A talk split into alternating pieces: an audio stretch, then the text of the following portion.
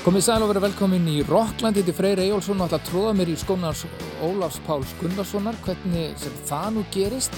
Hann er í frí en ég ætla að stýra Rockland í dag og verð með gest í Rocklandi. Hann er komið vegabræðs áreitum og heitir Úlfur Eldjón. Það hefur brallað ímiðslægt í gegnum tíðina og hefur verið, verið mörgum hljómsveitum, uh, gert marga plötur, brallað ímiðslægt, tilrönatónlist, poptónlist, reiftónlist, leikustónlist, kvikmyndatónlist og starfa með mjög mörgu áhugaverði fólki. Og síðast en ekki síst er þetta stór skemmtilegu maður Úlfur Eldjón í Rockland í dag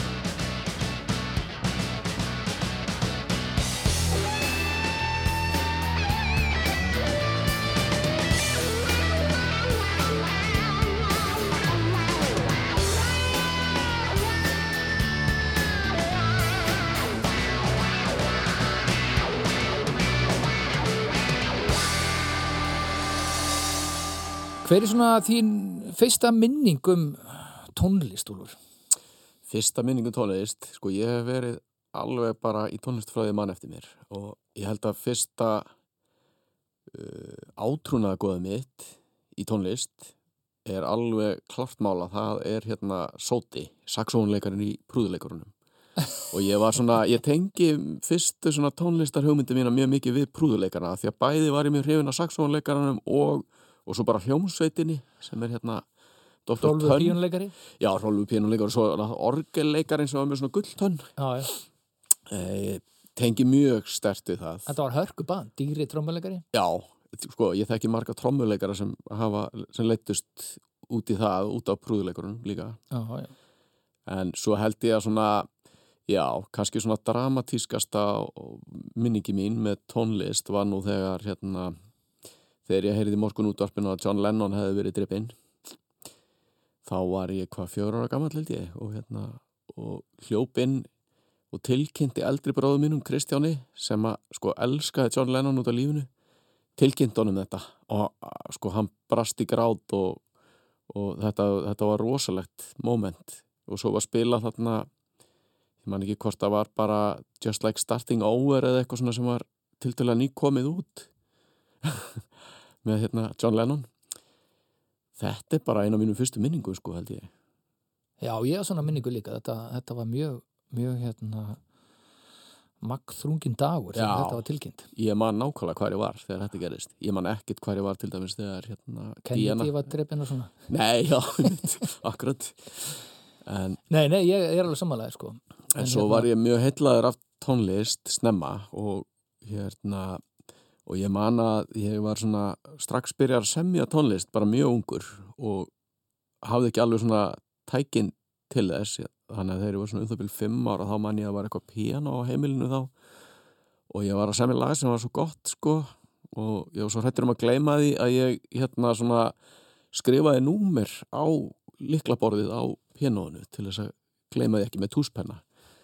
Við svona frekar lítinn fögnuð fóröldar minna En það var fyrsta hérna, tilhörun mín til þess að, að skrásetja eitthvað sem ég hafi samið. Já, með þitt eigið svona nótnakerfi. Já, ný, já, algjörlega. Og hérna mannstu þetta lag ennþá? Nei, því miður, það sko máðust út, það var þurkað af hérna nótunum. Já, já. En það var lita, lita að þessu sko. En þú náttúrulega kemur úr svona listrætni fjölskyldu, faðinni reytumundur, Kristján Eldribröðin var á kavi tónlist. Já, hann var einhvern veginn, hann var strax byrjaður ungu líka var alveg ákveðin í að vera gítarleikari sko. Og ég held að það hafa haft svolítið áhrif á mig þannig að þegar ég var bara alltaf farin að tala þá var ég líka farin að hugsa um svona hvað væri mitt hljóðfæri. Og já og, og í fjölskyldunni þá eru líka sko amma mín Anna Sigriði Björnsdóttir er, er pínuleikari, eða var pínuleikari og hérna og uh, sonur hennar, bróðirna mömmu, Kjartan Ólásson sem er tónskáld í dag hann var mikið svona þegar við vorum ungi þá var hann ennþá mikið í einhverju svona hljómsveitastúsi sko heima hjá fóröldunum sínum. Og hann var þannig að hann fekk sko stundum bara að leggja undir sig húsi sko, hann var oft með upptökur bara. Hann var í svona mentaskóla hljómsveit sem heit Petru Úlvarnir gerði fræglu og borði stjána saxofón og, og fleiri og var svo mikið svona aksjón í kringum hann ofta, hann var stundum búin að leggja undir sér stofuna heimi og af og ömmu og breytinu bara í hljóðverð sko, með trommusett og bassamagnara og, og allt að gerast. Og ég held að við bara æður höfum orðið svona fyrir þokkalum áhrifum frá honum. Og já En þú fer að læra á saxofón og það er aðalega kannski eh, sóti í prúðleikarunum Já, það er kveikjan. Það er svo, kveikjan. svo er svona fyrsta hljómsveitin sem að verður mínu uppáhalsljómsveit það er hljómsveitin Madness. Já, og það var náttúrulega saxofónleikarinn í miklu aðaluturki líka. Var svona bæði er saxofónin svona daldi áberandi í tónlistinni en svo í tónlistamindböndunum líka þá var hann alltaf að gera eitthvað alveg rosalega fyndið. Já, já. þannig að ég heitlaðist líka svolítið af, af þessu þar. Og hérna Briljant hljómsveit, það er mikill húmor og það er samt brottur í þessari hljómsveit, það er oft svona lúmsk samfélagsgagrinni og, og svo er þetta, ef þú ætlar að vera daldið svona fyndin í tónlist, þá gengur það ekkert upp nefn að gera það ógæslega vel. Já, ég áttaði mig náttúrulega bara á því setna sko, því að ég laðist náttúrulega að því að þetta var svona skrítið og skemmtilegt. Já. mjög svona barnvænt band á þeim tíma, en svo emitt áttaði maður þessu á því setna hvað það var margt ótrúlega flott í tónlistinni og, og svo eins og segir bara í textagerðinni líka, þetta var hápolítist mikið svona verið að deila á hérna á hérna yfirstjættina Já, og bara eins og þessu lægja ekki, bara heyra eitt lag með hlutinu matni, skreiti, þetta er náttúrulega alveg sko flugbeitt spjótt, spjótt í hérna áttina að tattserismannum og Já. gráa leiðilega Englandi einhvern veginn. Einmitt, og geggja lag sko að því að ég síðan var svo heppin að ég fekk að sjá þá þeirri komingað á listaháttíð hérna 1986 þá var það þannig sko að fóreldra mínu fengu bóðsmiða á þessa tónleika og gáðu okkur sonum sínum að þau hefur náttúrulega engan áhuga á matnes sko. Þannig að við fórum þarna og Kristján bróður minn sem neittist til þess 13 ára, ætlaði nú að fara að vera eitthvað svona töff meðal annara 13 ára unglinga neittist þess að taka litla bróður sinn með af því ég var svo mjög matnes aðdáðandi og þarna komum fram sem sagt Fine Young Cannibals sem eiginlega stálu senunni sko af því að matnes voru svo fullir já, þeir já. voru, höfðu verið einhverju koktelbóði hjá Davíð Ottsinni held ég borgarstjóra og, og þeir voru, ég varð svona fyrir meiri sér, jafnvel bara fyrir smá vonbreið sko, sérstaklega gítarleikan hafa alveg hauslu sko, hann gerði þetta rugg já. að þetta lag er æðislegt og það sándar svo skemmtilega það er vel fallega pródúsera popla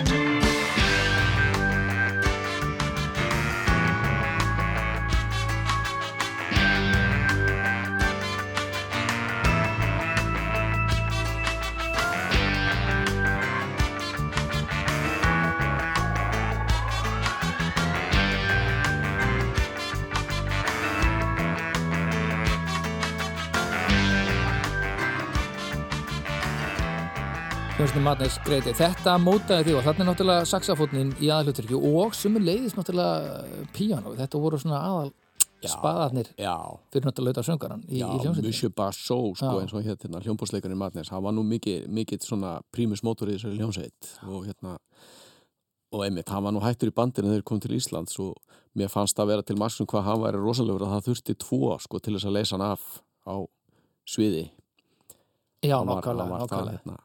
En þetta er rosalega fínt popla og það er svona bara næstu tíu lítil svona smáatriði sem Já, að hérna, gera þetta að fullkonu poplagi. Akkurat, ég veit ekki hvort ég hef heitlast svona að þessari hljómsveit líka út af því eða hvort það hefur bara haft svona áhrif á mig en það er eitthvað svona við hvað þetta er oft mikið orkestrera hjá þeim þeir eru ofta að nota einhver svona skrítin hljóðfæri eins og þarna er náttúrulega einhverja bjöllur Já, já.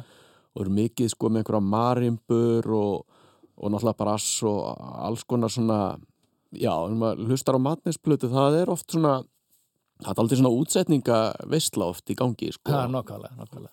En þú fer að læra saxofón, ætlaður þá að verða jazzleikari eða þú ferði einhvern veginn, já, ég var einhvern veginn bara mjög upptekinn af saxónum í mörg ár en svo var ég samt alltaf á sama tíma þú veist, var ég líka veist, að hlusta rosalega mikið á þungarokk og Mhm. stelast í ramaskítarinn hjá Kristjáni bróður og, og hérna en ég fór sem sagt svolítið svona snemma varði ég svolítið svona alvarlegur hérna saxofón nefandi og komst mjög ungur að í hérna tónlistaskóla FIH að læra jazz.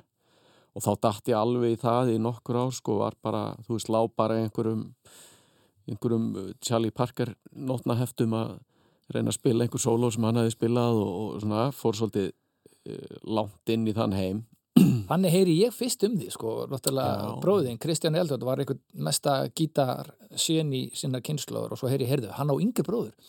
Já. Hann heitir Úlfur og hann er bara einhver alefnilegasti jazz-saxofónleikari Ísland, sko. einmitt sko þá voru einhver svona jazzskeggjara sem bara byggðu er, eftir þessari jazzstjörnu. já, þetta er nefnilega ég er nefnilega svona fyrruverandi hérna efnileg næstuð í barnastjarna í, í hérna en, en ég sem sagt einhvern veginn En þú ætlaði bara að fara í jazzin og þú, þetta var bara Já, málið. ég- og ég- þú veist, að að að bebop Charlie Parker skala, Já. þetta er geðbyluð vinna. Já, ég held að ég hafi svona í raun og veru aldrei alveg vita hvað ég ætlaði mér þá en uh, var svona, náði mjög góðu sambandi við hljóðfærið og ég gerði ekkert í nokkur ár bara að æfa mig sko og, en á saman tíma þá var ég alltaf einhvern veginn uh, einhvern veginn var ég samt líka alltaf eitthvað að reyna að búa til einhverja tónlist sko og kannski miklu meira, hafði kannski miklu meira í mér þetta með að vera að semja og búa til og gera einhverja svona tilraunir sko. Mm. og ég hérna, man að ég var svolítið í því sem krakki líka að, að reyna að búa til eitthvað svona sem líktist því að vera stúdíó. Mm en maður hafi bara ekkert aðganga voðalega miklum græjum en, en þú veist, ég man til dæmis ég átti tvöfalt kassututæki leiði egnast það, sko, þá gæt maður byrjað að overdubba og svona og svo átti ég einhvern lítinn Yamaha pínu lítinn skemmtara, sko og þá var maður farin að gera þú veist, geta gert hérna svona overdubbað upptökur kannski svona tíu sinnum, sko, þá tók maður alltaf upp á eh, sömu tvær kassetunar aftur og aftur. Hljómgæði náttúrulega mjög takmörkuð. Síðan svona einhvern veginn einhvern veginn var maður alltaf að reyna að komast í einhverja græður sko, það var svona, ég man, þú veist, ég var svona var komin í FIH, þú veist, þá var ég að fá lánað hjá og náttúrulega alls konar svona miklu eldri menn sem voru að læra þarna. Einhverju svona kempur úr hérna, íslensku tónlistarlífi, margir úr einhverju sveitaballa hljómsveitum og svona og ég var oft svona að að reyna að fá lánaðar einhverja græjur, þú veist, fá lánaðar MIDI sequencer og, og hérna teip, þú veist, teipvélar og eitthvað.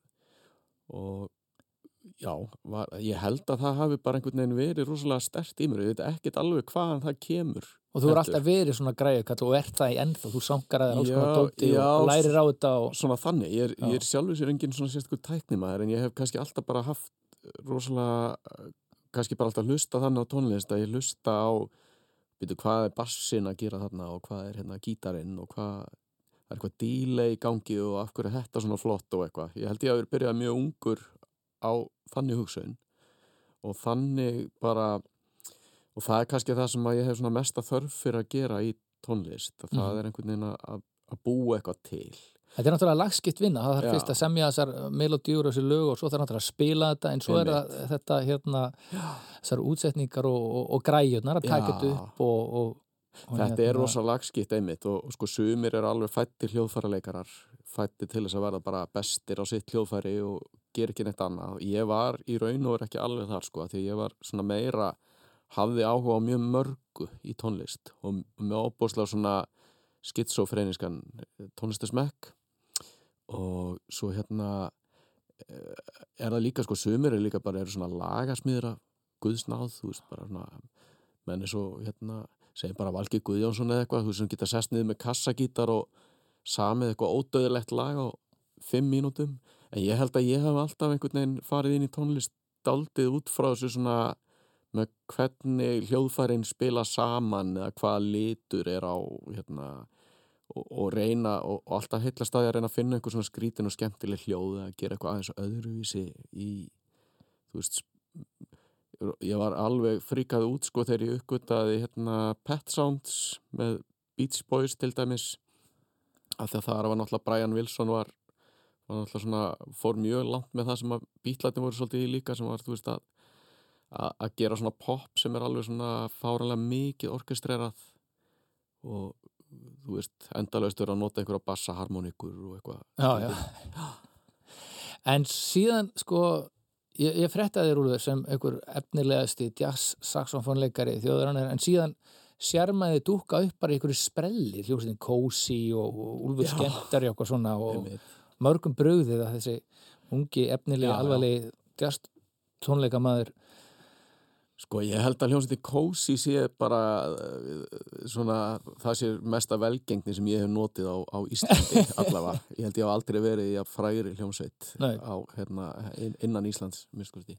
En þú náttúrulega kemur bæði úr mjög sko kreatífur fjölskyldi en svo hérna er þetta þessi, þessi mentaskóla hópur og þessi vinarhópur Já. er náttúrulega opastlegt uh, Já, það sköpunar, sköpunar sprengja. Einmitt, ég var svo heppin að, að kynnast mjög skemmtilegum strákum í, í hagaskóla og svo svona vatt sá vinahópi svolítið upp á sig í, í mentaskóla en hérna Kósi var sko eh, það var kannski einmitt eitthvað svona fullkomið ansvar við því sem ég var að gera í mínu tónlistanámi sem að var svona þessi jazz og ég var svolítið að leiðast út í svona alvarlegri tónlist líka. Var búin að uppgöta svona hérna alls, alls konar framústefnilega tónlist í kringum það og Kósi var einhvern veginn eins langt frá því og komist var.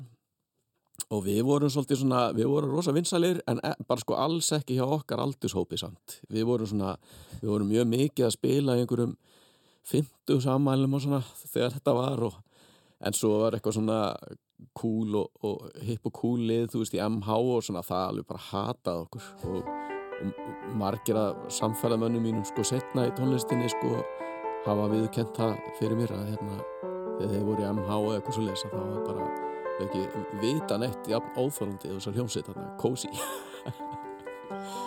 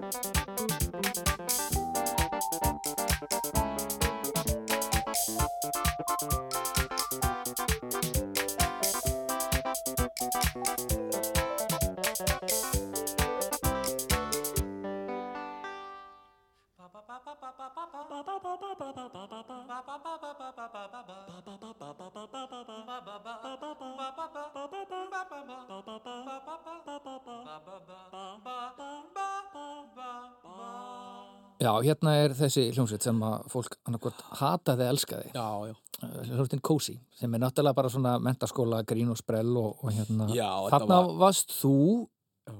og Ragnar Kjartansson, myndlistamæður, Já, Markus Þór Andresson hérna sem er sapstjóri sapstjóri og listamaður. og, listamaður og, og Magnús Ragnarsson sem er nú hérna hefur náðan mjög langt á, á sviði tónlistina, organisti og, og kóstjóri hérna. Já, já.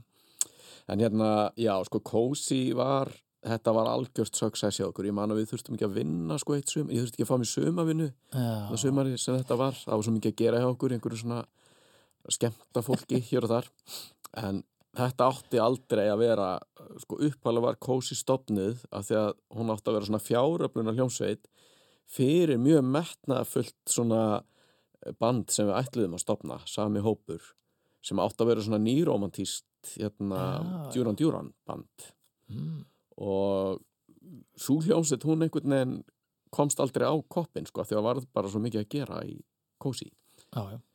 síðan voru við hérna félagarnir ég og, og, og Raggi Kjartans sem að hérna e, við hérna stopnuðu síðan aðra hljómsveit sem hétt Kanada með hérna með Ólafi Binni Ólasinni og Hauki Þorðarsinni og síðan var svona róterandi að enda, endaði á að Þorvaldur Gröndal kom inn á bassa eftir að við höfum svona farið gegnum nokkra bassaleikara.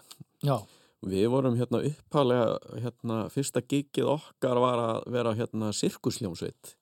Þá spiliðum við sem sagt í síningu sem hétt Sirkus Gara Skrýbó, Óskar Jónasson var með. alveg rétt, já. Og þar byrjaði svo hljómsveit eiginlega, svo þróaðist hún eiginlega meira út í að verða einhvers konar eitthvað bara svona á, ótrúlega skrítið rockband. Þetta Og- var fyrst eitthvað svona sirkuspel, svo var þetta eitthvað bara svona trip-hop eða bara Já, alls konar uh, einmitt. síru psychedelia pop eitthvað. Já, þetta var, þetta var mjög skemmtilegu tími og, Mm. og það heyrist mjög vel á, á plötunni hvað við höfum verið að sjúga í okkur áhrif svona, svona víða frá.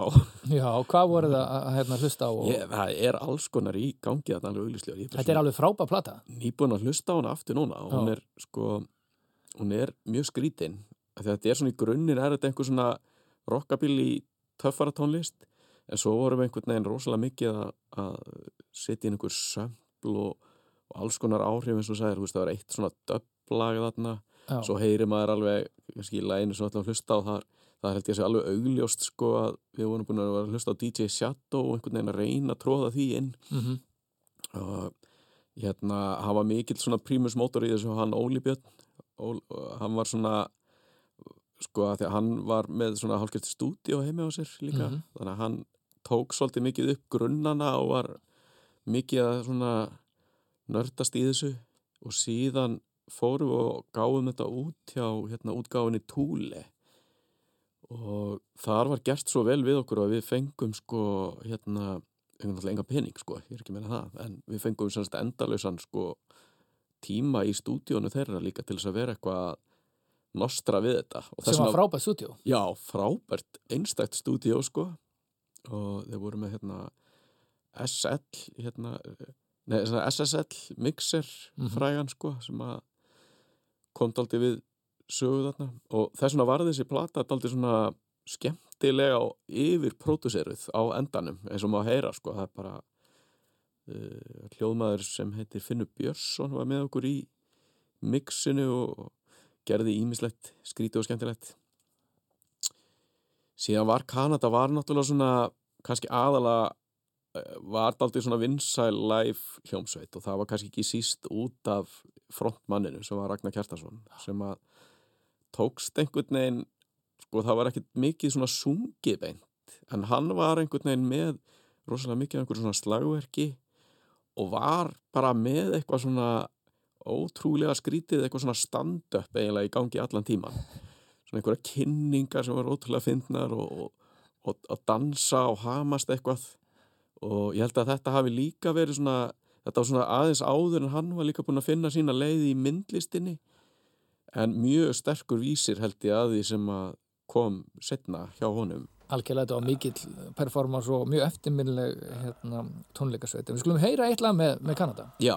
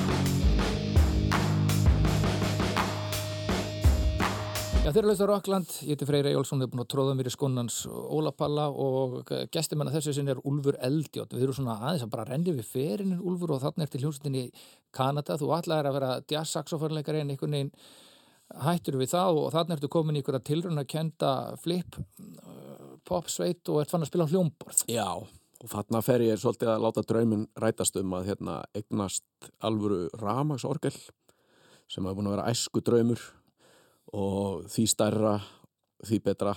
Og ég kaupi sem sagt einhvern svona ofvaksnasta skemmtara sem eh, nokkuð maður hefur séð sem svona heitir Hammond Elegante er hérna með fótbassa og tveimur hérna, tveimur hvað er hljómborðum. Og alveg rosalega mörgum litríkum tökum og er svona tonn á þing og út frá þessu þá hérna er, já, maður er svona, ég er svona í ýmsum hljómsveitum þarna þessum tíma, er til dæmis í hljómsveitinni Trabant, svona gífulega skemmtilegur félagskapur sem voru þeir, aðalmennir því voru þeir hérna Viðar Hákon Gíslason og Þorvaldur Gröndal. Já, maður fannst nú alltaf svona Kanada að vera ykkur, ykkur undanfari Já, þetta, þetta var, sko, þarna á tímabili þá var ég alveg í þremur hljómsveitum, Kanada, Trabant og Apparat og þær voru allar mjög aktívar á Mm. þeim tíma síðan einhvern veginn svona fjaraði Kanada út. Ég man nú ekki alveg af hverju en þá voru svona einhverjir ég veit það ekki, það voru kannski einhverjir svona meikdraumar sem að fóru, fóru, fóru ekki nóg langt. En allt í hennu var ég komin þarna líka í hljómsveitina Apparat, orgelkvartitina Apparat. Og þá ertu bara orðin fullblast orgelleikari með hérna, mörg tonni í kjallaranum hjá þér já, ég er allavega, já, þá erum við allavega hérna, komin með svona mjög alvarlegan áhuga á þessum græjum öllum Var pláss fyrir allar þessar græjur í húsinu? Nú ert þú með græjut allar hávistígi, Já, bróðin er með gítamagnar út um allt. ég var held ég ennþá í, í föðurhúsum sko, þegar Já. þetta var ég, Já, ég meina það, því Já. bræðirnir eru hérna í fóröldarhúsum og eru í, í hljómsveitabralli. já ég, ég sem sagt, það var ennþá hægt að koma einhverju fyrir, svo sko manni að ég flyta heima nú einhver tíman skömmu setna og þá er ég einmitt með þennan fáránlega stóra hammond skemmtara í eftirdrægi og byrja að leia sko pínu litla hérna svona stúdíóíbúð og spítalastíg þar sem þetta orgel einhvern veginn svona fyllti eiginlega upp í stofuna.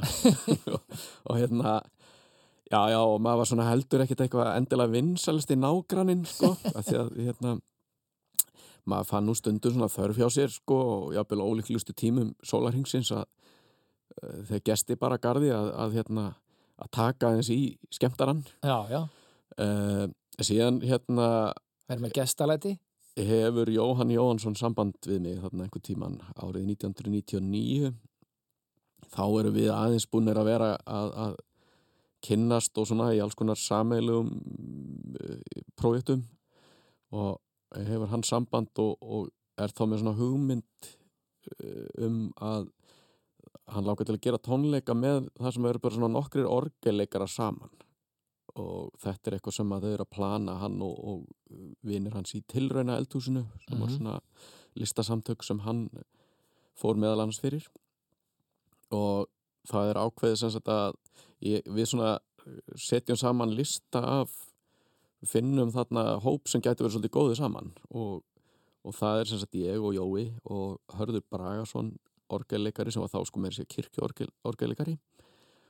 Orgelleikari Júpiters og Oxmá og fleiri góðum böndum. Svona alvöru orgelleikari. alvur orgelleikar og svo hérna einn, einn hérna skrítið náungi sem ég þekkti ekki neitt fyrir sem er hann hérna Sigkvættur Ómar Kristinsson en var búin að vera að gefa út alveg stórkoslega tónlist undir nafninu Músíkvatur Mm og var einmitt með svona stóran kavæ skemmtara og við buðum, buðum þeim tveimur sem sagt að vera með í þessu. Og þetta áttu bara að vera eini tónleikar sem sagt í hérna mjög tilraunakendir en þegar við fór, förum að hittast og svona æfa okkur aðeins saman þá náttúrulega kemur í ljósa að það er bara einhverja ótrúlega kemistrija í þessum hóp og, og við vorum náttúrulega líka allir ótrúlega svo þreyttir á því að vera einhverju svona hljómbóðsleikarar í einhverjum, einhverjum rock hljómsveitum -hmm. það sem að hljómbóðsleikarinn fær nú einhvern veginn minnstu aðteklina kannski þóttust vera komnir þarna bara með daldi gott dæmi sem að við vildum halda áfram með og ákvaða með eiginlega bara strax að þetta yrði hljómsveit. Fundu sér nafna á hana sem að enda á að vera e, orgelkvartetin Apparat. Það var enda lengi deilt um það sko til að byrja með hvort þetta ætti að vera Apparat eða Ananas. Orgelkvartetin er Ananas en, hérna, en Apparat varð ofan á. Og uh, við einhvern veginn þróum þessa hljómsveit síðan frá því að vera eitthvað svona algjört sko, þetta var einhver svona algjör tilrauna spuna mennska og svo fóruð þetta bara einhvern veginn að þróast yfir í það að verða bara hálfgett pop. Svona kannski, jú, kannski svolítið skríti pop en fór svona að þróast út í það að við vorum með ákveðin lög svo vildum við fara að bæta við textum og þá hérna redduðum við vókóter til þess að syngja í gegnum. Og hérna og smá sama þá þróaðist þetta yfir í svona einhvers konar rock hljómsveit bara með Þið syntum. fáið alla trómar, þá verður þetta náttúrulega bara príma Já. rock. Einmitt, sko, fyrst var einmitt Dotti Gröndal, sko, með okkur, Þorvaldur, sem hafi verið með mér í Trabant og Kanada. Hann var fyrsti trómuleikarinn og svo, hérna, þegar Arnar Geir kom inn, þá kom hann náttúrulega með þess að svona sína miklu orku, hann er náttúrulega svona rock trómuleikari uppalega, var í ham og, og einhverjum, einhverjum pöngljósitum í Kanada og, og þar með fóru þetta að verða svona einhver verða svona meiri svona útíháttíða rockljónseit sko. Stereo. Stereo. Stereo. Rock and roll, give me rock and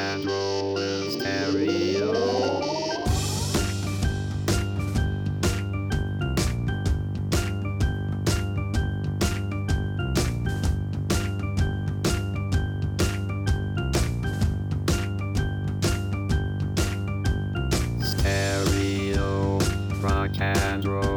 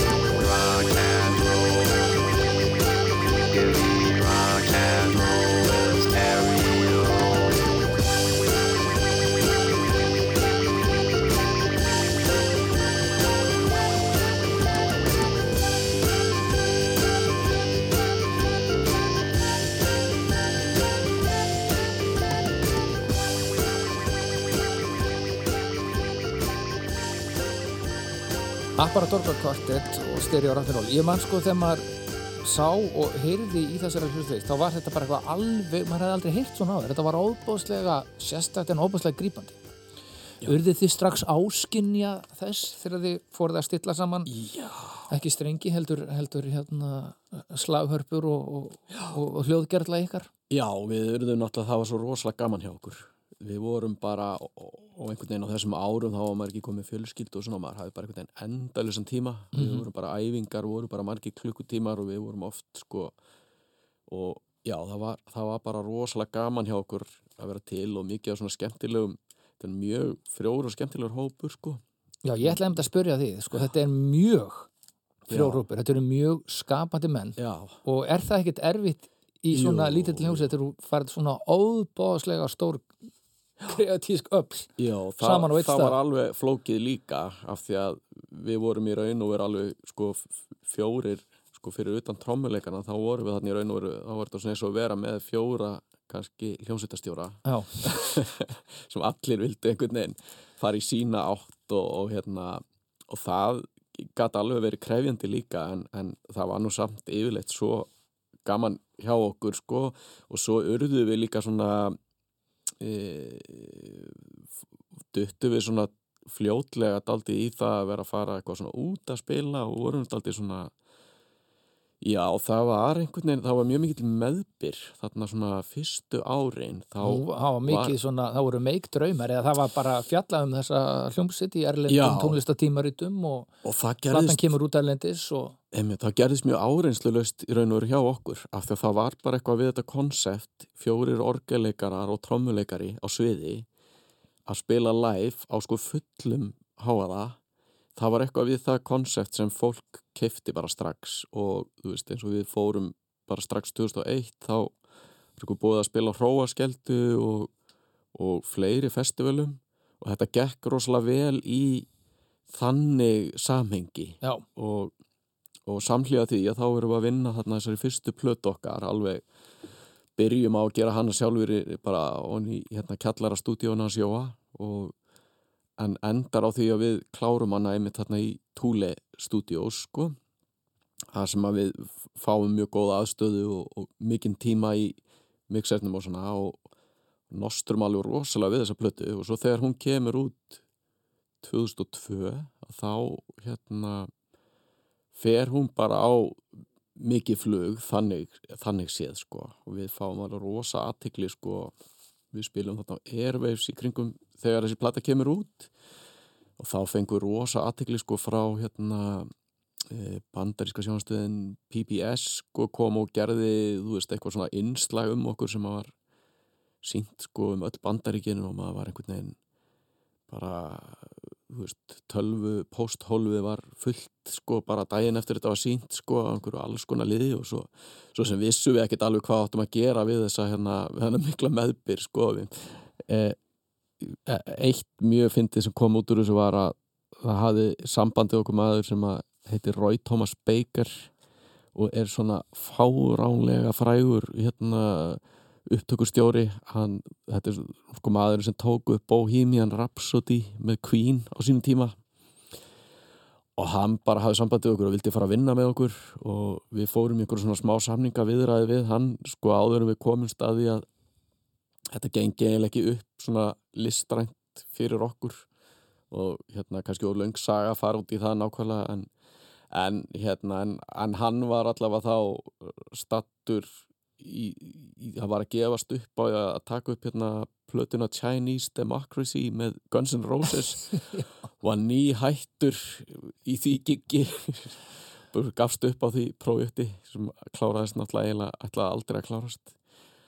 Og hafði eitthvað verið að horfa á sjónvarpið og sá okkur þarna bara ah, fjóri gaurar bara með einhverja gamla synda, þú veist, þetta er, þetta er það sem ég ætti að vera að gera núna já, já, hugsaði hann en svo var þetta svona, já það var rosa mikið svona böss í kringum þessa hljónsveit og, en við urðum nú aldrei þú veist, það var alveg verið að tala bara um hérna, tala um okkur í, þú veist, New York Times og eitthvað sem þetta bara næsta sigur og svo eitthvað, mm.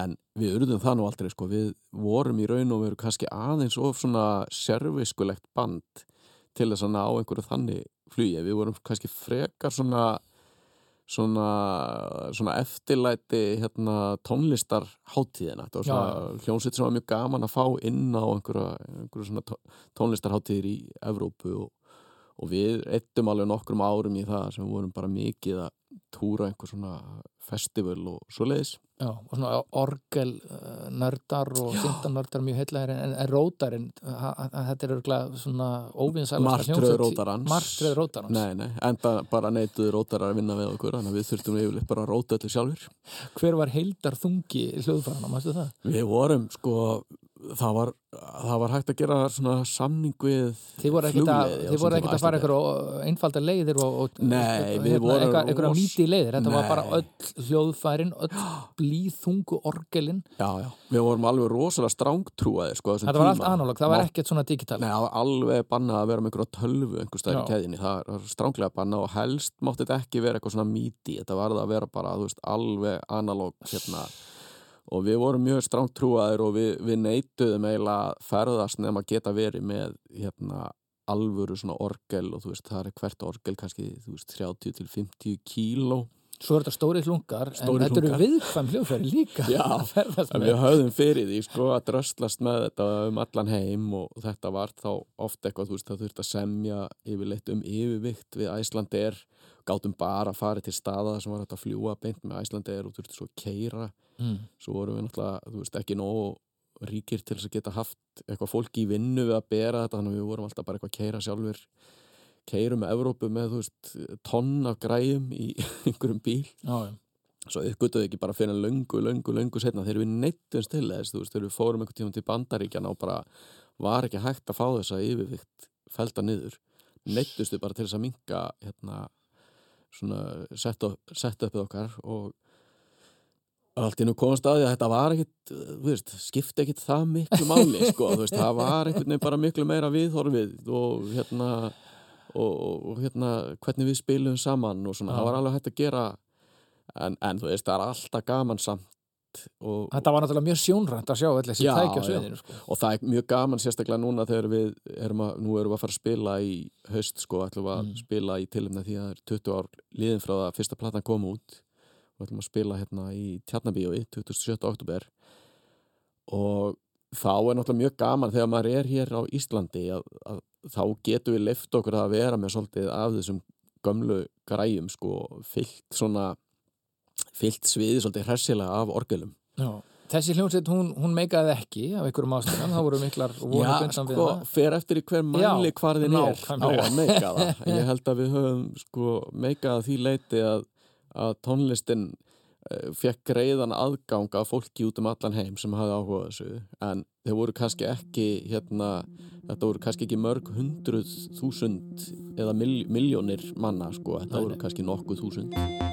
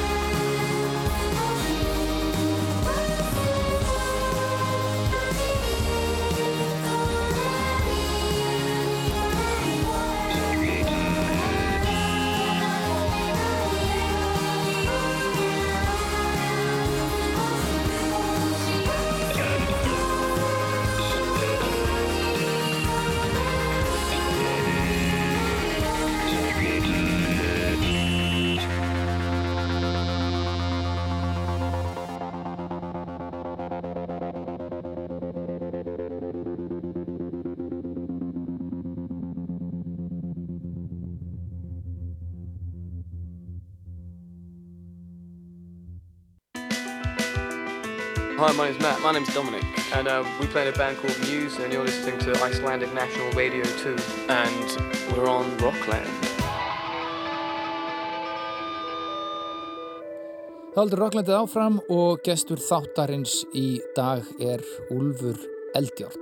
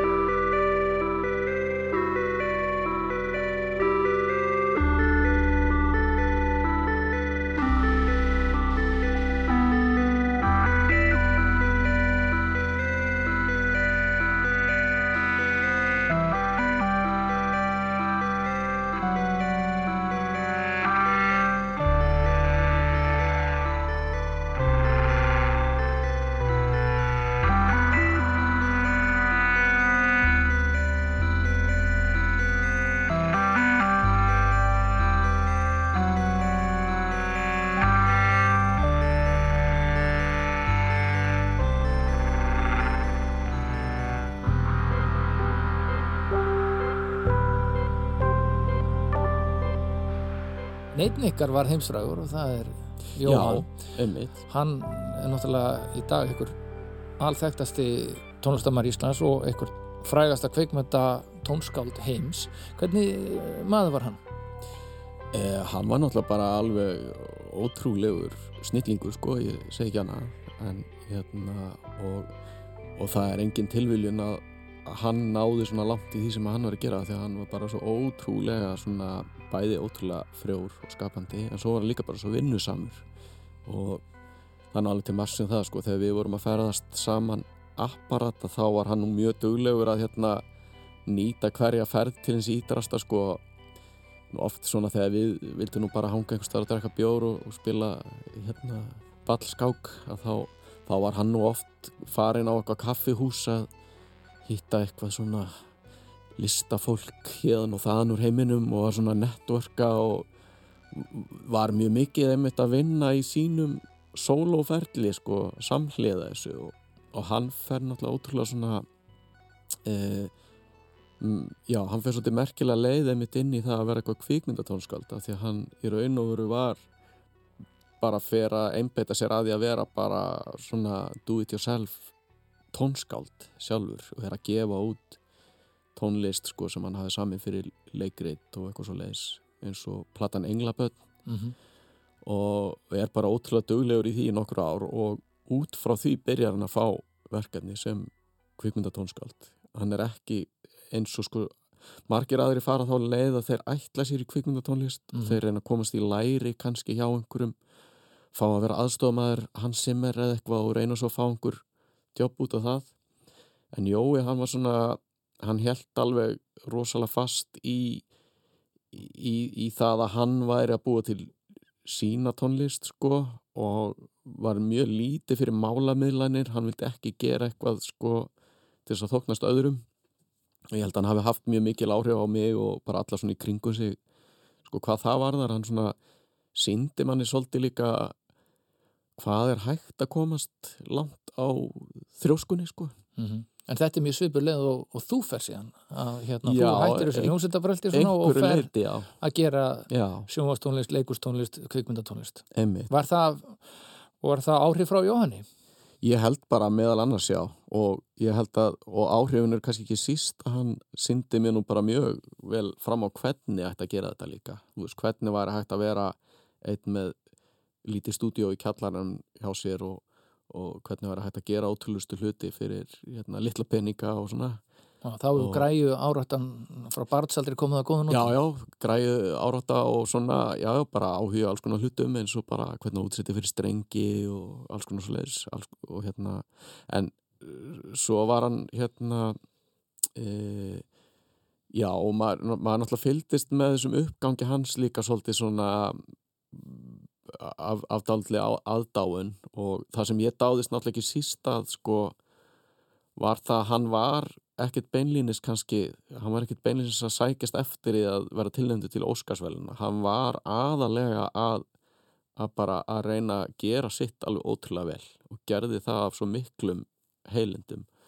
Og margt síðan svona sem að hann kendi mér síðan varðandi hvernig maður nálgast kvikmyndatónlist af því að ég svona hef náttúrulega verið aldrei að vinna í því Mhm.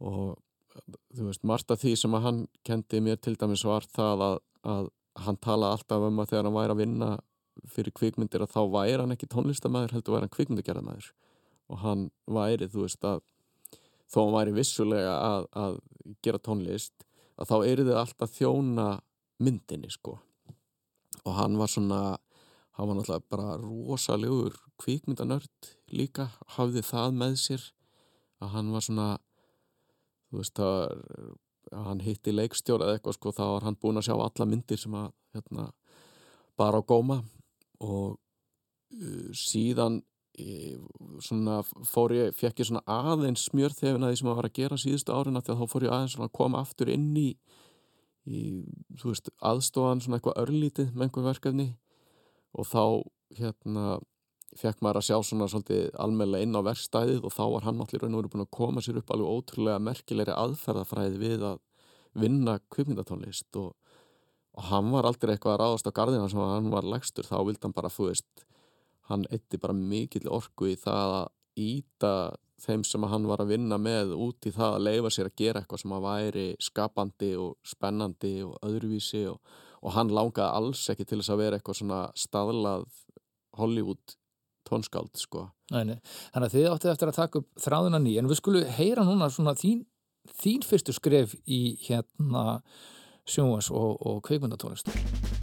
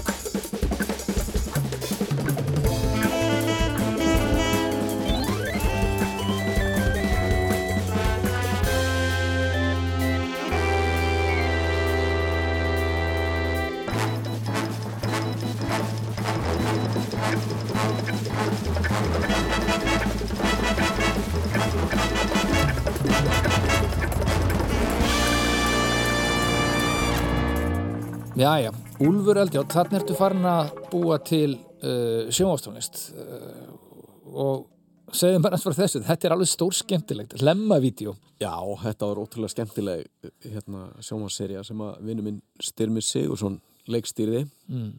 uh, ég held að þetta hafa nú verið svona uh, þetta hefur nú svona, verið svona köld serja, maður fann það nú eiginlega svona strax að þetta var ekki sko að fara kannski að verða hérna vinsalasta sjónvarsæfni allra tíma en var það eiginlega bara strax fekk eiginlega bara strax svona köld status þetta er alveg svona ótrúlega hérna sýrður og góður húmor í þessu. Og metnaði full tónlist.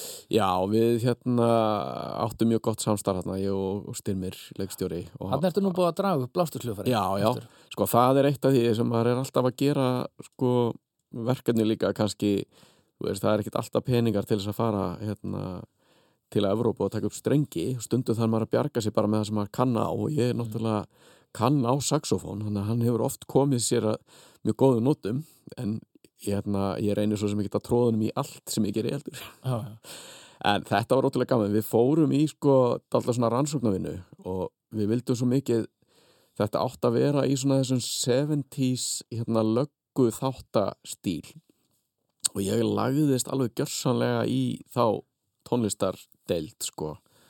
Var búinn að finna mér einhverja diska og eitthvað sko með öllum svona sjónvastátastæðin sem hefur verið gerð og, og einhverju svona og hérna, gerðum þetta síðan en, en það var mjög meðvitað eins og heyrist kannski á þessu að það var mjög meðvitað að, að sándið þessu væri líka daldið svona skítugt og, og já, einmitt bara daldið eins og þetta hefði verið tekið upp í miklum flíti sko 1970 og hvað og hérna ég fekk mjög góðan hérna það er nú mjög merkilegur trommuleikari sem spilar hérna Samúli Kosminen sem að hefur nú oftar en ekki aðstofað mig. Hann er nú frægastu kannski fyrir það að hafa spilað verið hérna í hljómsveitinu Moon og hefur svo spilað með þú veist Jónsa og Björk og eitthvað rosalega klár músikant.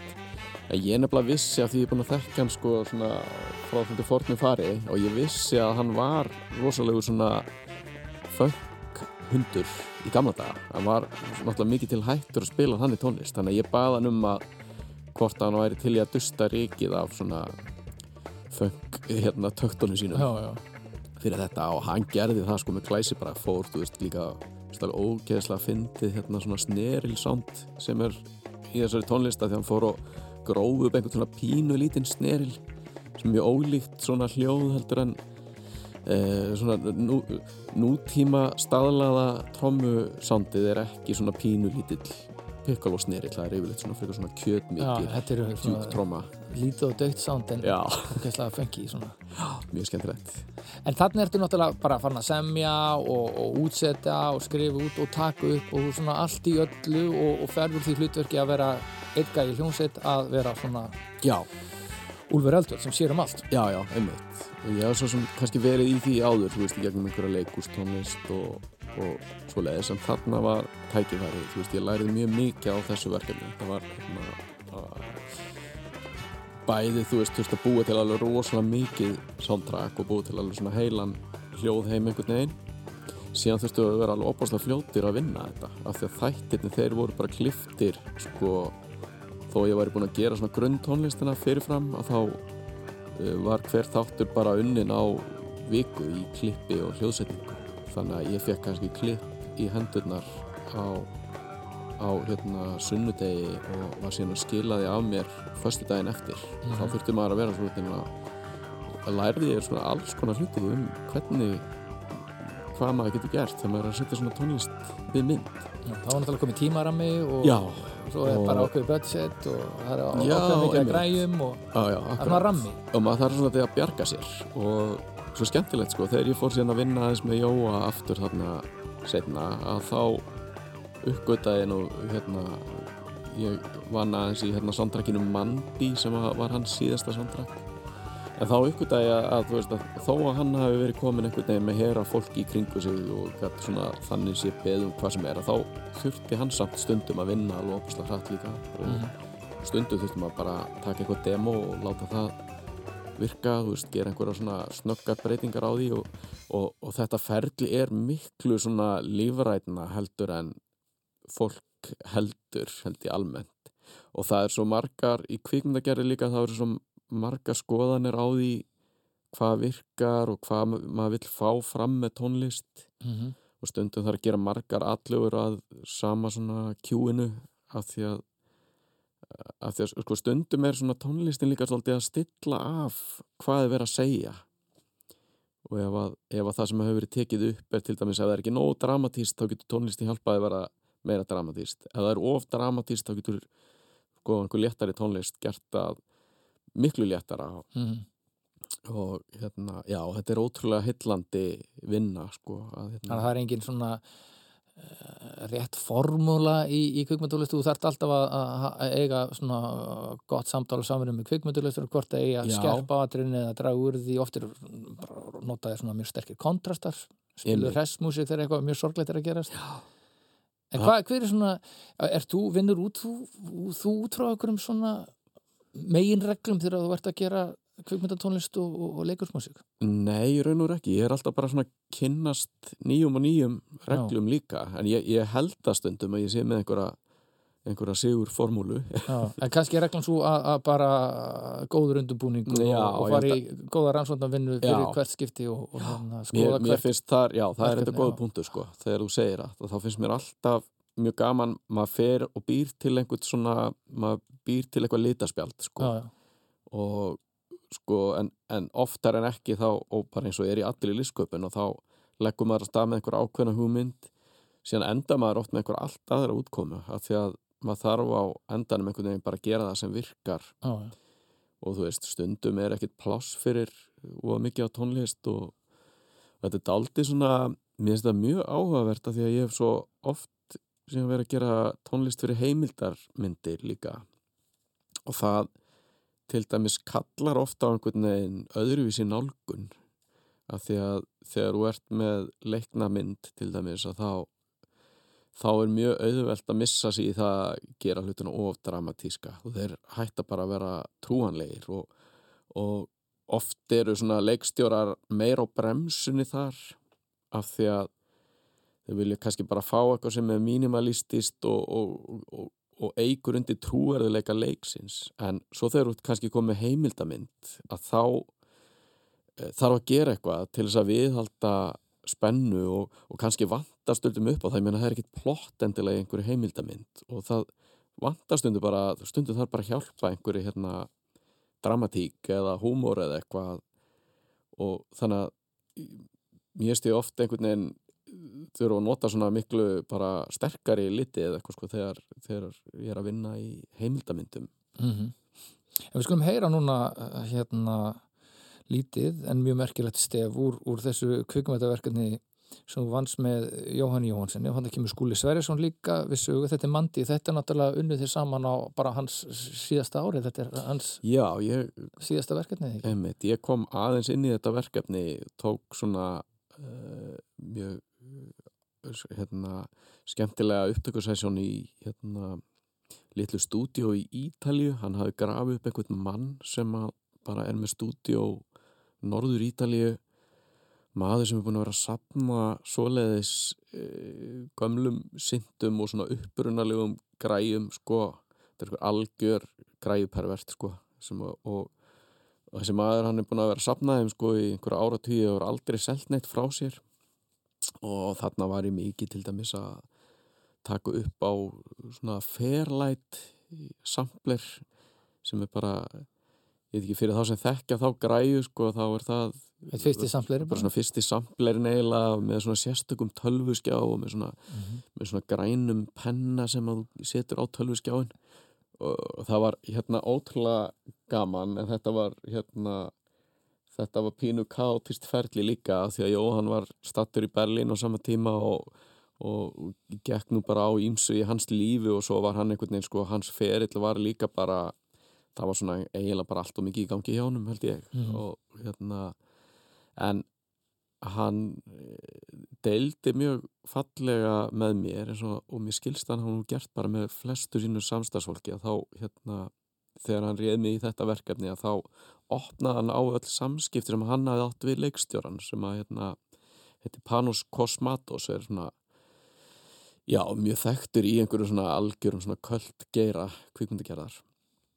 Og hérna já, hann, hann sem sagt leið mér bara eitthvað svona að lesa öll þeirra brefaskiptiri og, og eitthvað símtal sem hafa verið skrifað upp og það sem þeir voru að ræða svona bara ymsar heimsbyggilega vangaveltu með tónlistinni í myndinni og þvílíkt og annað eins lesefni bara ég hef bara alltaf komist í aðrar eins pælingar sko. Það er hérna mikið pælt og, og mikið verið að hérna það sem Jóhanni langaði svo mikið til að gera í þessu soundtracki og sem ég held að tengist nú daldi árum hans í apparat var að hann, hann langaði mjög mikið til að gera svona hljómsveita soundtrack ég, hann var mjög hrifin af sko bæði hérna ítölsku hljómsveitinni Goblin sem gerði mikið af svona hryllingsmynda tónlist og sömulegst Tangerine Dream sem að gerði náttúrulega fullt af kvikmyndatónlist en er svona elektrónísk.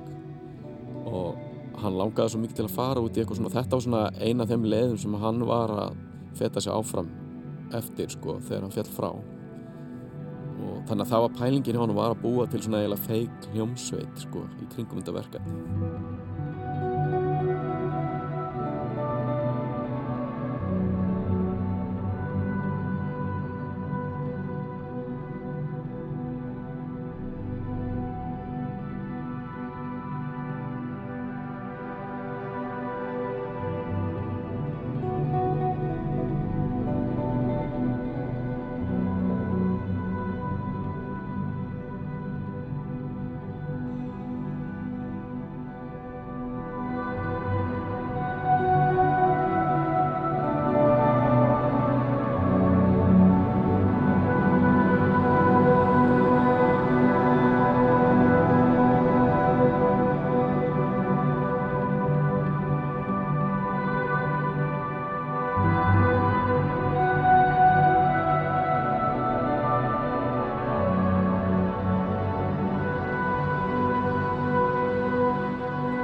Þetta heyrum við uh, tónlistur kvikmyndinni Mandi, Mondi Love Theme. Þetta er uh, kvikmynda tónliskáldið Jóhann Jónsson og þannig eru þeir með honum Skúli Sverrisson og þú, Úlfur Eldjátt. Þetta þetta er maður sem hefði mikil áhrif á þig og þú og hérna, starfaði mikið með honum og þið voru miklu vinnir. Já, já, algjörlega og hérna við vorum svona, við erum náttúrulega starfuð mest saman í, í apparat og svo var ég svona svolítið að komast aftur inn í hans ring þarna undir að síðasta í skömmaðurinn að fellu frá Já, það var mikill harmdauði.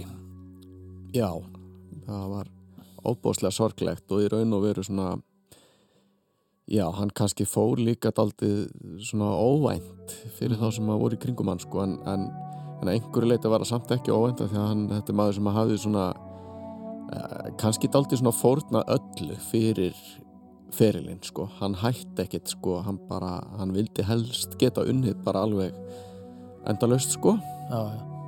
En þarna Og- missið þú náttúrulega vindin og samstagsmann og, og þú er náttúrulega kynst döðan og þú hefur mist tvo bræði þína. Já, já, einmitt Hann glataði þessi döði. Já, já, hann er alveg glataður og það er líka daldið svona magnað að hérna uh, Kristján bróður minn sem sagt hann hérna fjall frá 2002 og hafði þá verið veikur í tvö ár og, það er enda daldið svona magnað að uh, bara þegar ég fekk bara símtali frá fóröldur mínum um að hann væri farinn sko og þá var ég í stúdíónu með Jóa að bara við vorum tveir í stúdíónu að klára eitthvað apparatlag.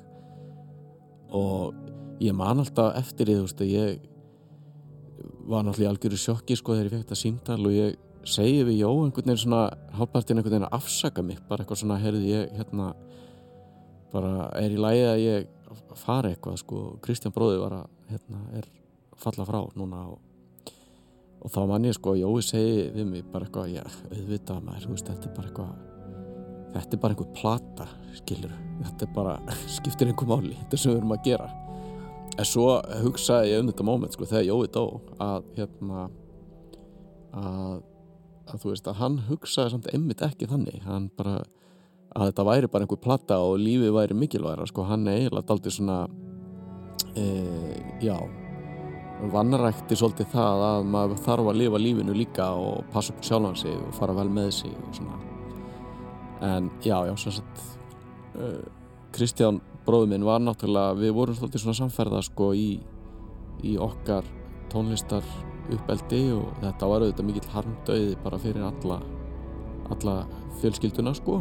Hann hefði mikil áhrif á þig og þið voru svona bæði samferða í, í tónlistar uppeldi og, og svona alltaf eldri bróð. Hann svolítið leiti þig áfram. Já, já, algjörlega og, og okkur alla yngri, sko, ég á tvo yngri bræður, Ara og Haldur og, og hann var daldi mikið svona höfuð hérna fjölskyldunar eða svona höfuð bræðrahópsins og náttúrulega mjög stórt skarð þegar hann Já. fjall frá og síðan þá höfum við náttúrulega daldið svona hver á sinn hátt sko við, ég held að við höfum allir svona haldið áfram lífinu svolítið með það fyrir augum að einhvern veginn að að halda hans minningu bæð á lofti og svo eins einhvern veginn á einhvern förðulegan hátt að svona að lifa fyrir hann líka Já, já. Þú og Halldór hafi náttúrulega farið í tónlist Já. en, en sko það má ekki gleyma því að Kristján bróðin er alveg ótrúlega húmorist og Ari bróðin kannski fór þálið. Já og, og, og Ari segir það líka sko að, að hann hafi verið svona það hafi verið þessi fyrirmynd eiginlega sem ítt honum út í það að fara í grínið sko að hérna að, að, já, Kristján gatt verið alveg svona brjálæðislega fyndin og, og hérna og orðheppin og, og hérna og hitti líka nú sko oftar en ekki á einhverjum svona veika bletti hjá manni en gatt gert það á einhvern alveg óbúslega fyndin og skemmtilegan hátt Við verðum að þess að heyri Kristján og hérna er eiginlega sko, ég veit ekki, Kristján í einhverju hnótskuld, þetta er alveg, ótrúlega fallegt, þetta er ótrúlega hérna fyndið og ótrúlega brilljant. Hér er hann að spila uh, útsett verka til sjálf hans í stál og hnífið til Bubba Mortens. Já.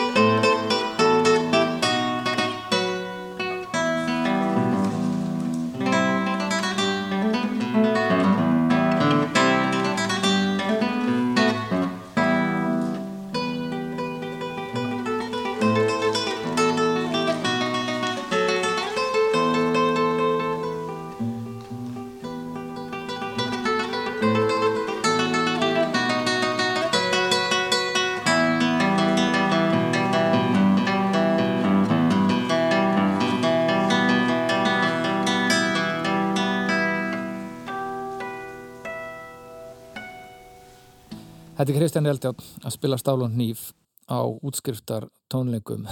þetta er alveg brilljant. Já, þetta er algjör snild sko við höfum svona emmitt, við höfum verið að halda núna upp á það að hann hefði orðið 50 á árinu og, hérna, og við höfum starrakt sko minningasjóði í hans nafni og það hefur verið aldrei svona okkar leði líka til þess að halda hans eh, minningu á lofti og, og þessum anda það er einhver svona skemmtilegur andi sem að hérna, fylgir bara því þegar vinnir hans og fjölskylda hittast. Mm Og þið hafa safnað peningum og styrt ímsa tónlistar. Já, við erum sagt búin að vera núna að veita bara, reynum að veita helst minnst einu sinni á ári sko, og þá er það gætna bara einhver einn tónlistamæður sem að fær þetta daldið svona veglegan styrk af því að það, það vita það nú flestir í þessum hópi sko að, að hérna að við viljum hafa þetta einhvern svona styrk sem fólki munar um. Þeir sem er að vinna sem sjálfstætt starfandi tónlistar menn eða eru í námi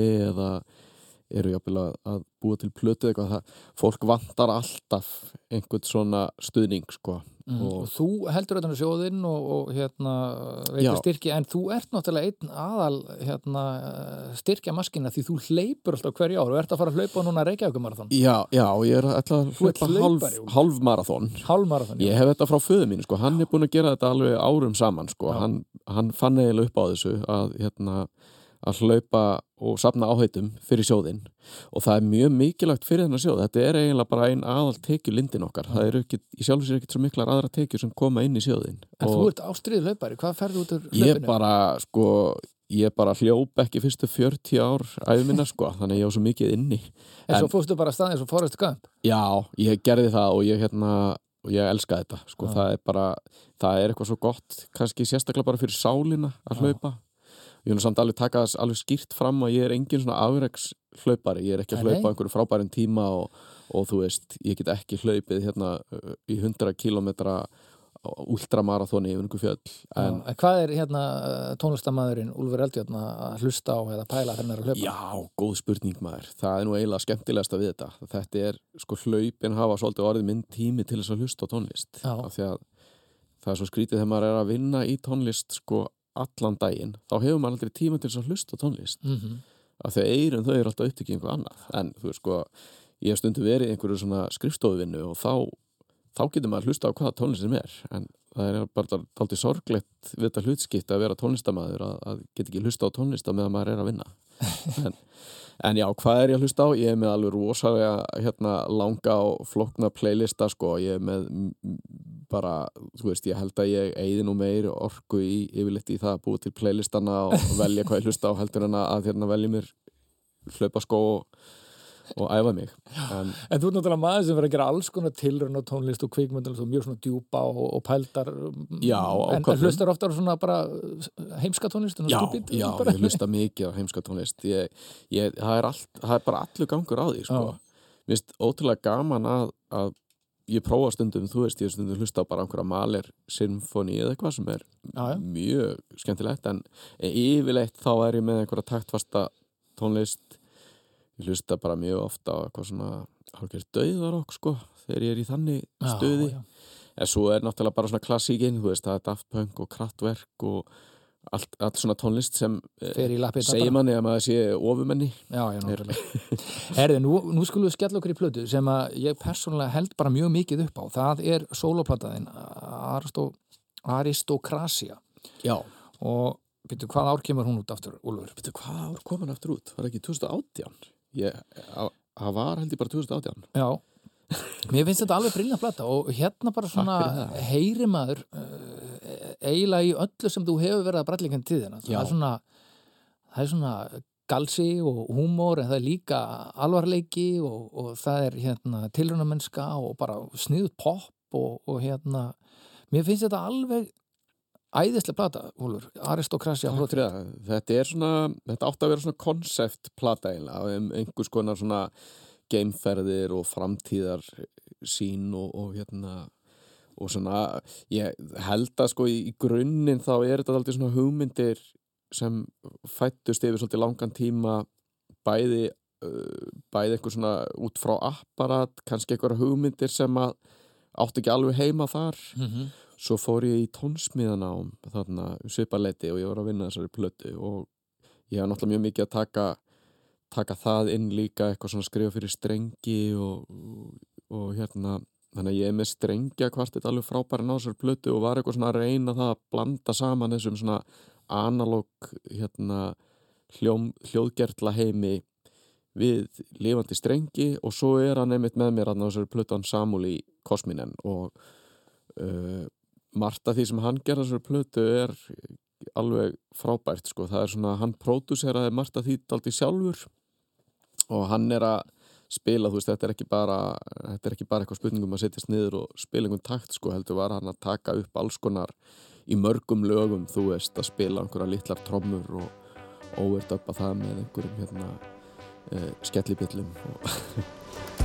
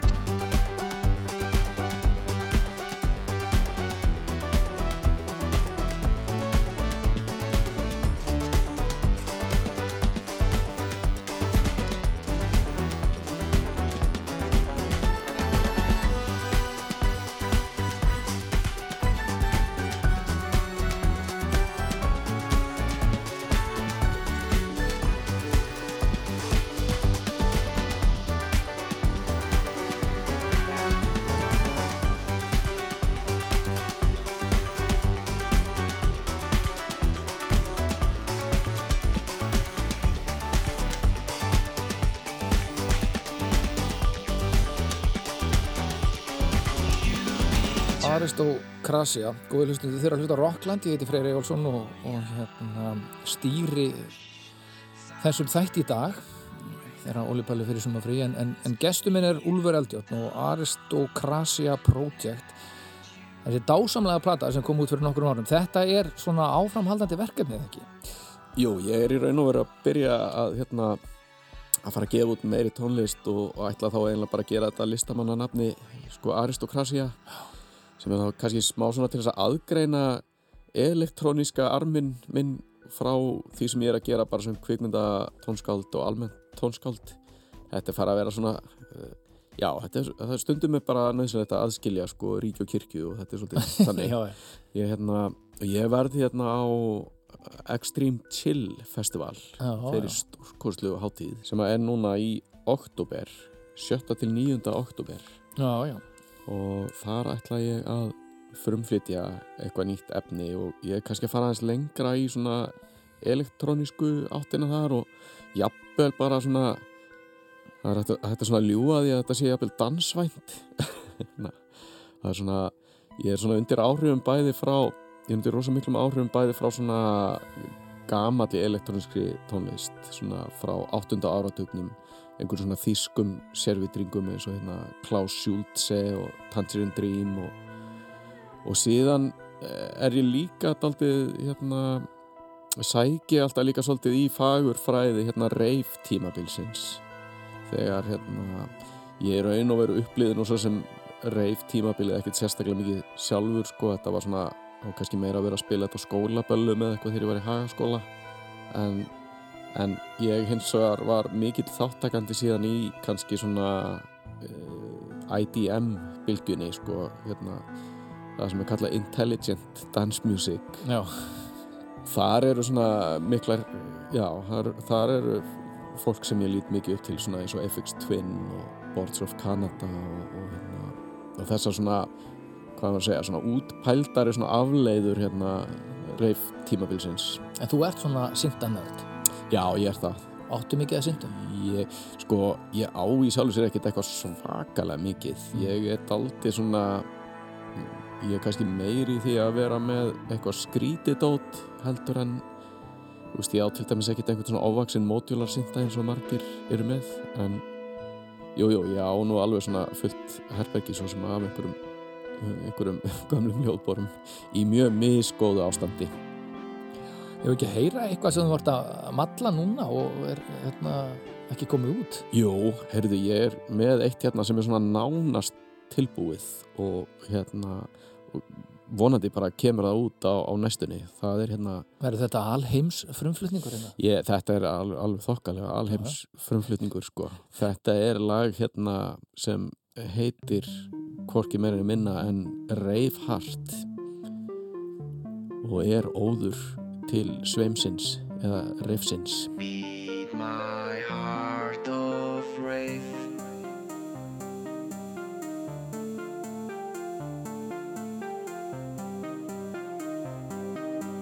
Rhythm,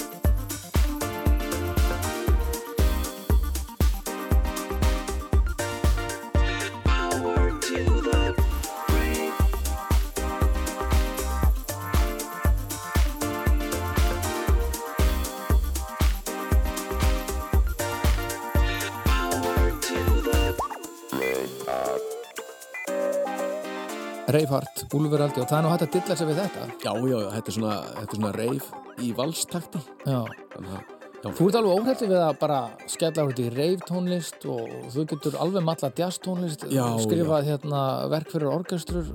Þeim er gaman að skipta um hlutverk. Ég er líka komin að hann, sko, kannski eh, stað í lífinu núna, ég skammast mín ekki fyrir neitt. Ég bara gera það sem ég langar til að gera og mér er alveg sama hvort að einhverjum finnst það töff eða ekki, sko. Og, og þannig að, já, reiflag í valstakti það er bara, það er bara fínt, sko.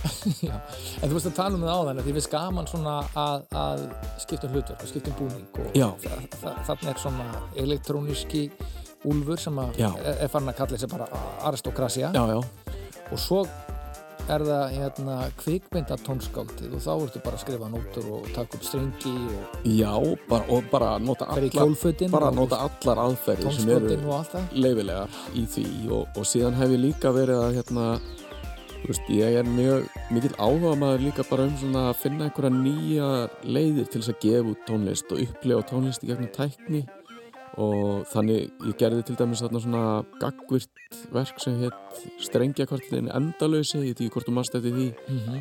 þá var ég með bara svona heimasíðu sem að fer inn á og maður getur í raun og veru svona hlusta á svona daldið framúrstefnulegt verk fyrir strengi og maður hver hlustandi í raun og veru býr til sína útgáfu með því að færa til svona litlar kúlur sem snúast og þannig að engin útgáfa er eins og það er að gera veist endalust margar útgáfur af þessu verki Mér finnst þetta mjög áhugavert og, og þið bræðu, þú, þú og bróðin Haldur Já. verið að gera ímis konar svona verkefni. Heldur að, heldur að það er eftir að breytast í, í framtíðinni hvernig við hlustum á og upplifum tónlist? Mér finnst, sko, í raun og veru, sko, með að við hvað tæknin býður upp á mikið, þá finnst mér breytingarnar gerast mjög hægt Já, og ég held að það sé, við erum daldið svona íhaldsamar verur í okkur með hvernig við upplifum til dæmis bara svona bíómyndir og kvikmyndir, og, eða, já, bíómyndir og skaldsögur og svo leis. Við þurfum að hafa svolítið svona línulega frásögn oft en mér finnst það rosa spennandi. Ég held að þarna séu allavega alveg augljóslega möguleikarnir og möguleikarnir á að eiga einhverja svona e, fá einhverja svona dýbri tengingu við áhöröndur í gegnum tækni. Mhm. og sko þetta þarna strengjakvættinu endalösi þetta var nú daldið svona uh, svona tilrauna verk hjá mér. Og það sem ég uppliði var það að miða við hvað tónlistin var uh, svona óaðgengileg grunninn að þá varður einhvern veginn mjög aðgengileg af því að það var svo skemmtilegt eitthvað svona fyrir fólk að fykta í þessu forriti skiluru og það er einhver önnu tenging þegar þú einhvern veginn ítir á eitthvað og framkallar sjálfur hljóðin og þá upplifir það einhvern veginn öðru þetta er mjög áhugavert. Mm. svo gerði ég annað svona verk einmitt með Halldóri bróður sem er nú algjör snillingur sko, bæði að gera sína tónlist og svo er hann forritari sem að spilli nú ekki fyrir. Og hann hjálpaði mér að gera svona gagvist verk fyrir Reykjavíkuborg það sem að maður sem heitir Reykjavík GPS og þá sko hlustaru á tónlistinni í gegnum app sem að les staðsetninguna þína og þetta er svona cirka bara miðbærin í Reykjavík og tónlistin sem breytist eftir hvar þú ert staðsettur í borginni Mhm. og þessi tónlist sem við heyrum hérna undir er sko það er úr því verki og ég er núna einmitt að svona leggja loka hönd vonandi á að búa til svona album útgáfa af þeirri tónlist og þetta er eiginlega svona kannski svona rennur svolítið saman kvikmyndatónlist og önnur tónlist hjá mér af því að þetta er hálfgert svona soundtrack þetta er svona soundtrack fyrir borgina eða hérna hljóðspor fyrir göngutúrin Svo náttúrulega er, að- er að verða til nýgeri og það er bara til dæmis tölvuleikja tónlist Já. og, og, og, og svo er þetta mjög áhugavert sem þetta segja, svona gagvir tónlistan sem við getur haft áhrif á tónlistan. Það var mikið amalegt að geta hlusta á kraftverk og bara geta farið að mixa sjálfur og hendur drásum og Einmitt, það er nefnilega mjög spennandi, það er að gera svo spennandi hluti með þessu en kannski kallar það líka á nýja nálgun frá því hvernig við semjum tónlistina Já. líka.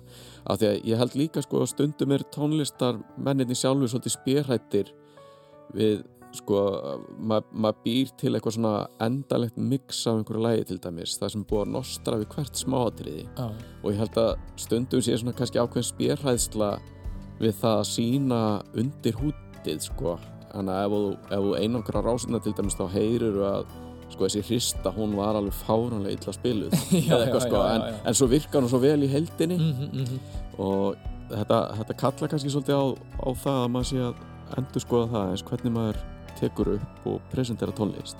En, svo er þetta náttúrulega líka bara fullmóta listavel Kjarval, uh, Kjarval myndi nú ekkert kæra sem það að við varum eitthvað að kroppi í þessu verk og hérna, Nei, akkurat, nei, einmitt. En það er fullt af, sko, ég meina ímyndað er eins og alla jazz tónlistina sem hefur gefin út. Mhm. Ég meina bara eins og svona episka plötur eins og Kind of Blue með Miles Davis. En það var samt bara eitthvað þú veist, það var bara eitthvað augnablík sem var fangað á hérna, á plötu þau spiluðu þessi lög aldrei eins. En svo af því að búið að setja inn á hljómplötu þá verður þú veist þessi útgáðalæginu með þessu sólói hún verður einhverju eilífu mestaraverki Mhm. en ekki hinar hundra útgáðum og ég meina hugsaði að það var hægt að gefa út plötu sem væri til dæmis bara með hérna hundra mismundi tökum fyrir hérna hvert trompettpart eða eitthvað. Það er tímin að hlaupa frá okkur hérna, þessi rocklandstáttur er að vera búinn og hérna, er ekki mjög gott að enda svona þátt á einhverju svona uh, tilgerðlegri spurningu? Já, endilega. Hérna hvernig gerir maður góða tónlist?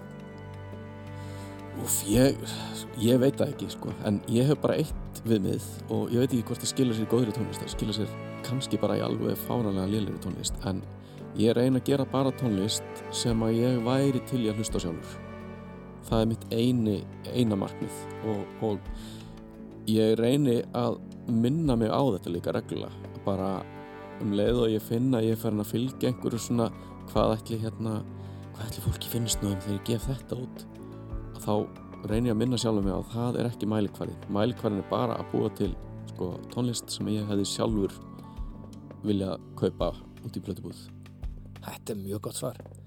En við ætlum að enda þáttinn á, á hérna remixi Já, Við erum búin að heyra fullt af tónlist sem að þú ert búin að vera að búa til og bralla en, en hérna remixarinn, endur hljóðblandarinn. Úlfur Eldjátt ég, það er opbóðslega gaman að gera það. Þetta er aldrei svona vel varðveitt leyndamál eiginlega sko. og Þetta er engin hérna- smáminni hér. Nei, þetta er hérna uh, vinnu minn sem að hérna uh, er með listamannafnið Null and Void og hérna Kurt nokkur UNALA er nú búsettur hér á Íslandi í dag hann sem sagt gáð þessa plötu fyrir nokkrum árum og þetta lag syngur engin annar en Dave Gahan sem er náttúrulega söngvar í Deep Beats Mode og er bara eðlilega ein af svona æsku hittunum mínum. E, mér bauðst sem sagt að gera einhverja svona nýja útgáðu svo ég gerði remix sem var kannski meira svona endur gerða læginu af því að ég gerði bara svona strengja útsetningu og eitthvað klukknaspill og það var alveg ótrúlega hérna fallegt lag hjá þeim félagunum og, og ótrúlega mikil heiður fyrir mig að hafa fengið það svona þó að ég hafa nú ekki hitt hann í eigin persónu þá fekk ég að vinna þarna með einu átrúnagóði úr 80s æskunni. Úlfur Eldjátt, takk fyrir spjallið og þá ljúkum við Rockland í dag með þessu, þessu, þessu fallega remixi. Njótið